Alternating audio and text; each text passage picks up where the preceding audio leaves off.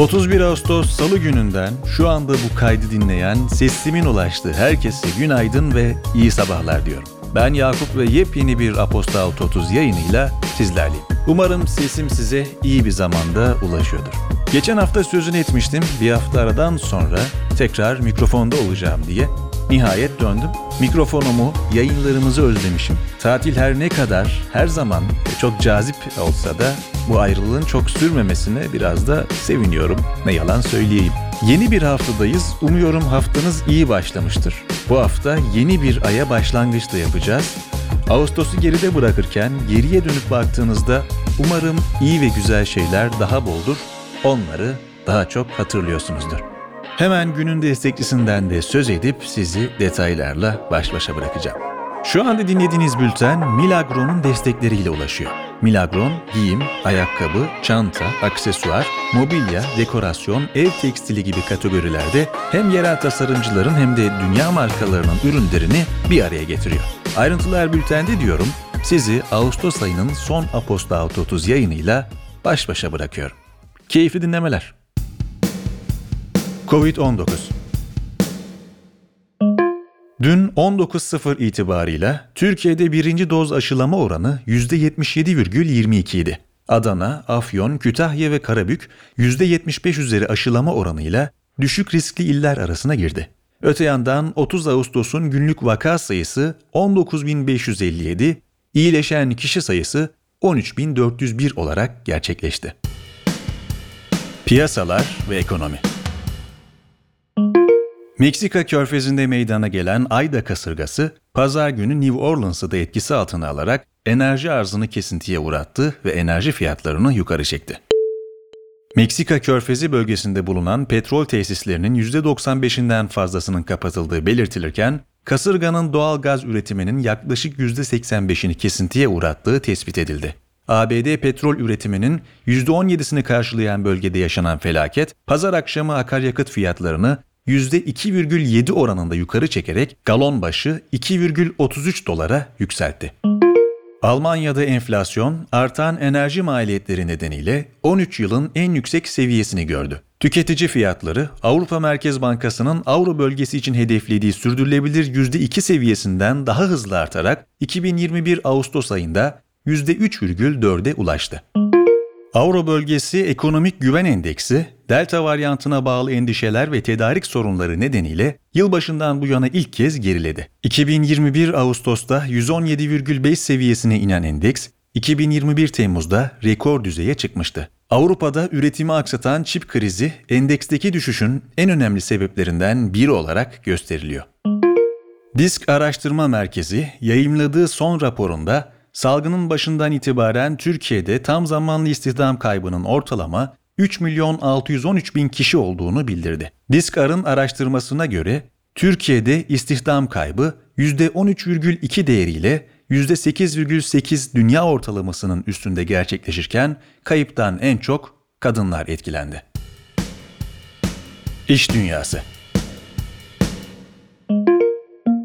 Ali Baba Grup'un geçtiğimiz ay ortaya çıkan cinsel saldırı iddialarını sızdıran 10 çalışanını işten çıkardığı iddia edildi. Konuya yakın kaynaklar, şirketin internette cinsel saldırı iddialarını duyuranların yanı sıra isim ve görüntü paylaşanları da işten çıkardığını ve bazı çalışanlara uygunsuz yorum yaptıkları gerekçesiyle uyarı gönderdiğini öne sürdü.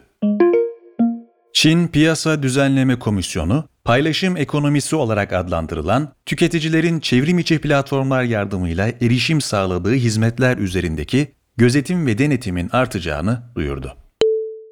Paylaşım ekonomisi, insanların sahip oldukları ve sürekli kullanmadıkları varlıklarını belirli bir ücret karşılığında ihtiyacı olanlarla paylaşarak para kazandığı iş modelidir. Çin'de bisiklet paylaşımı ve taşınabilir powerbanklerin ortak kullanımının bu iş modelinin önde gelen örneklerini oluşturduğu biliniyor.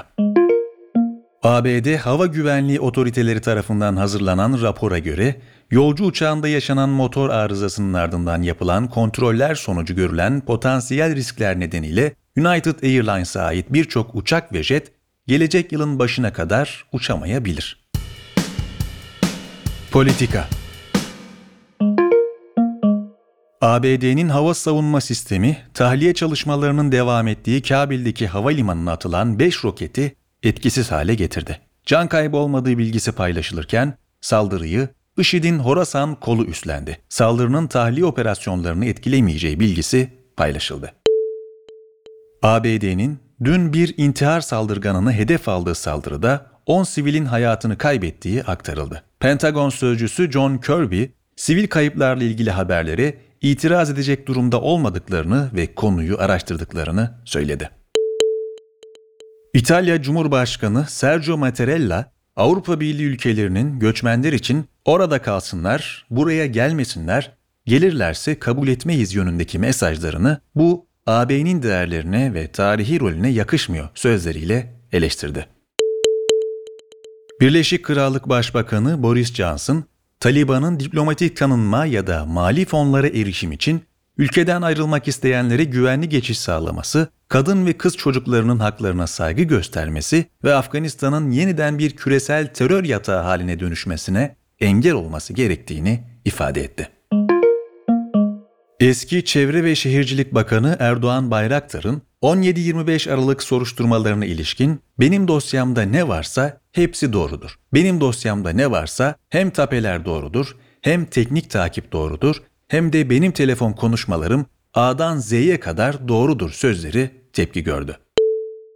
İyi Parti İzmir Milletvekili Aytun Çıray, Bayraktar'ın açıklamalarının 17-25 Aralık dönemi hakkında bir suç duyurusu olduğunu söyledi ve bu itirafların sonu gelmeyecek, nihayetinde tüm müsebbip ve mümessillerini bir kara delik gibi içine çekecek dedi. CHP Mersin Milletvekili Ali Mahir Başarır da Bayraktar'ın çıkışını itiraf olarak nitelendirdi. AK Parti'nin kurucu vekilleri arasında yer alan Kemal Albayrak, Bayraktar'ın ifadelerini nasıl bir devlet, hukuk yok, araştırma yok, soruşturma yok. Bırakın onu, bunu itiraf ettiği halde buradan anladığım şu ki ileride göreceğiz bu partide görev alanların ve yönetimde görev alanların %80'i hatta %90'ı ileride itirafçı olacak şeklinde değerlendirdi. Sezgin Baran Korkmaz'ın avukatı Murat Volkan Dülger, Avusturya Wels Mahkemesi'nin Korkmaz'ın Türkiye'ye iade edilmesi yönünde karar kıldığını, ABD'den iade talebinin incelenmesinin ise devam ettiğini açıkladı. Tunceli'nin Hozat ilçesinde 13 gündür etkisini sürdüren orman yangınlarını kontrol altına alma çalışmaları dün bu bültenin yazıldığı saatlerde sürüyordu. Orman Genel Müdürlüğü, Munzur Milli Park yangınının devam ettiğini, Tunceli Belediyesi, Fırtına Veli Çeşmesi bölgesindeki yangınlara gönüllülerin katıldığını duyurdu. Tunus'ta 2019'daki Cumhurbaşkanlığı seçimlerinde Kays Said'e karşı yarışan Nabil Karuyu'nun Cezayir'de tutuklandığı ileri sürüldü. Tutuklanma haberi ülke yetkilileri tarafından henüz doğrulanmadı. Karuyu'nun yanında milletvekili olan kardeşinin de bulunduğu aktarıldı. Karuyu'nun partisinden yapılan açıklamada Karuyu'den bir haftadır haber alınamadığı belirtildi. Birleşmiş Milletler'e bağlı Uluslararası Atom Enerjisi Kurumu, Kuzey Kore'nin Yongyong'daki nükleer silahlar için plütonyum üreten elektrik santralini tekrar faaliyete geçirdiğini ileri sürdü. Kurum, soğutma suyunun tahliye edilmesinin santralin aktif olduğuna işaret ettiğini söyledi. Santralin çalıştığına yönelik ipuçları Birleşmiş Milletler Güvenlik Konseyi kararlarının ihlali olarak değerlendirildi. Çin, 6 ve 7 yaşındaki öğrencilere yönelik yazılı sınavların yasaklandığını duyurdu. 18 yaşının altındaki çocukların online oyun oynamasına da kısıtlama getirildi. Karara göre oyun oynama süreleri cuma günleri, hafta sonları ve tatillerde bir saate düşürüldü. Teknoloji ve Startup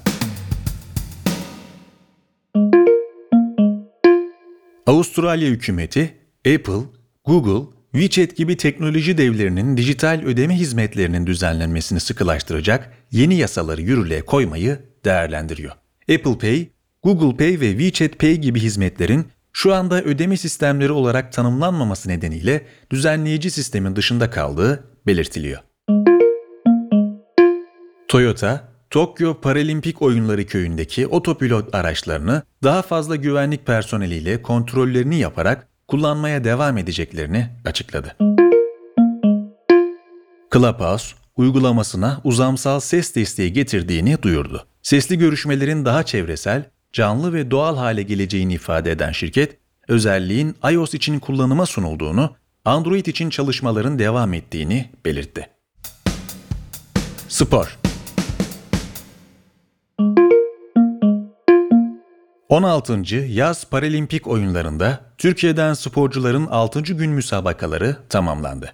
Masa tenisinde tek erkeklerde sınıf 4 kategorisinde Abdullah Öztürk finalde Yong Kun Kim'i 9-11, 11-6, 11-7 ve 12-10'luk setlerle 3-1 mağlup ederek altın madalya kazandı. Yüzmede kadınlar 50 metre sırt üstü S5 kategorisinde 17 yaşındaki Sevilay Öztürk 43.48'lik zamanıyla bronz madalya alarak Türkiye'ye bu branşta tarihinin ilk madalyasını kazandırdı. Sümeyye Boyacı ise aynı kategoride 43.94'lük zamanıyla olimpiyat dördüncüsü oldu. Elif İldem de 100 metre serbest stil S1 kategorisinde 21 yıllık paralimpik rekorunu kırdı.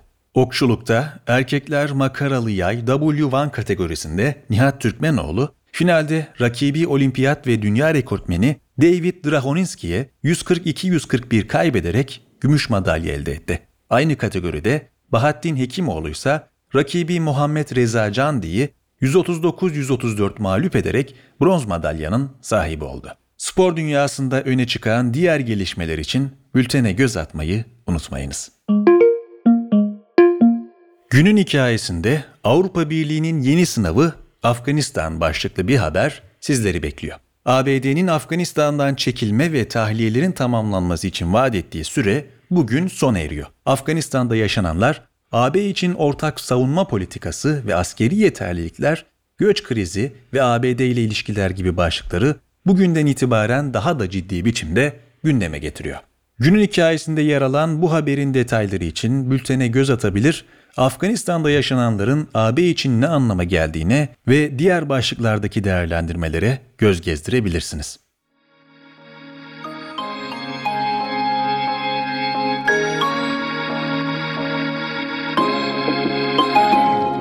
Bugünlük benden bu kadar. Ben Deniz Yakup. Ağustos ayının son yayınını sizlerle paylaştım. Sürçülisan ettiysem affola. Yarın da yine mikrofonda ben olacağım. Lütfen kimselere söz vermeyin. Yine buluşalım. Öyleyse kendinize iyi bakın diyorum. Yarın görüşmek üzere. Hoşçakalın.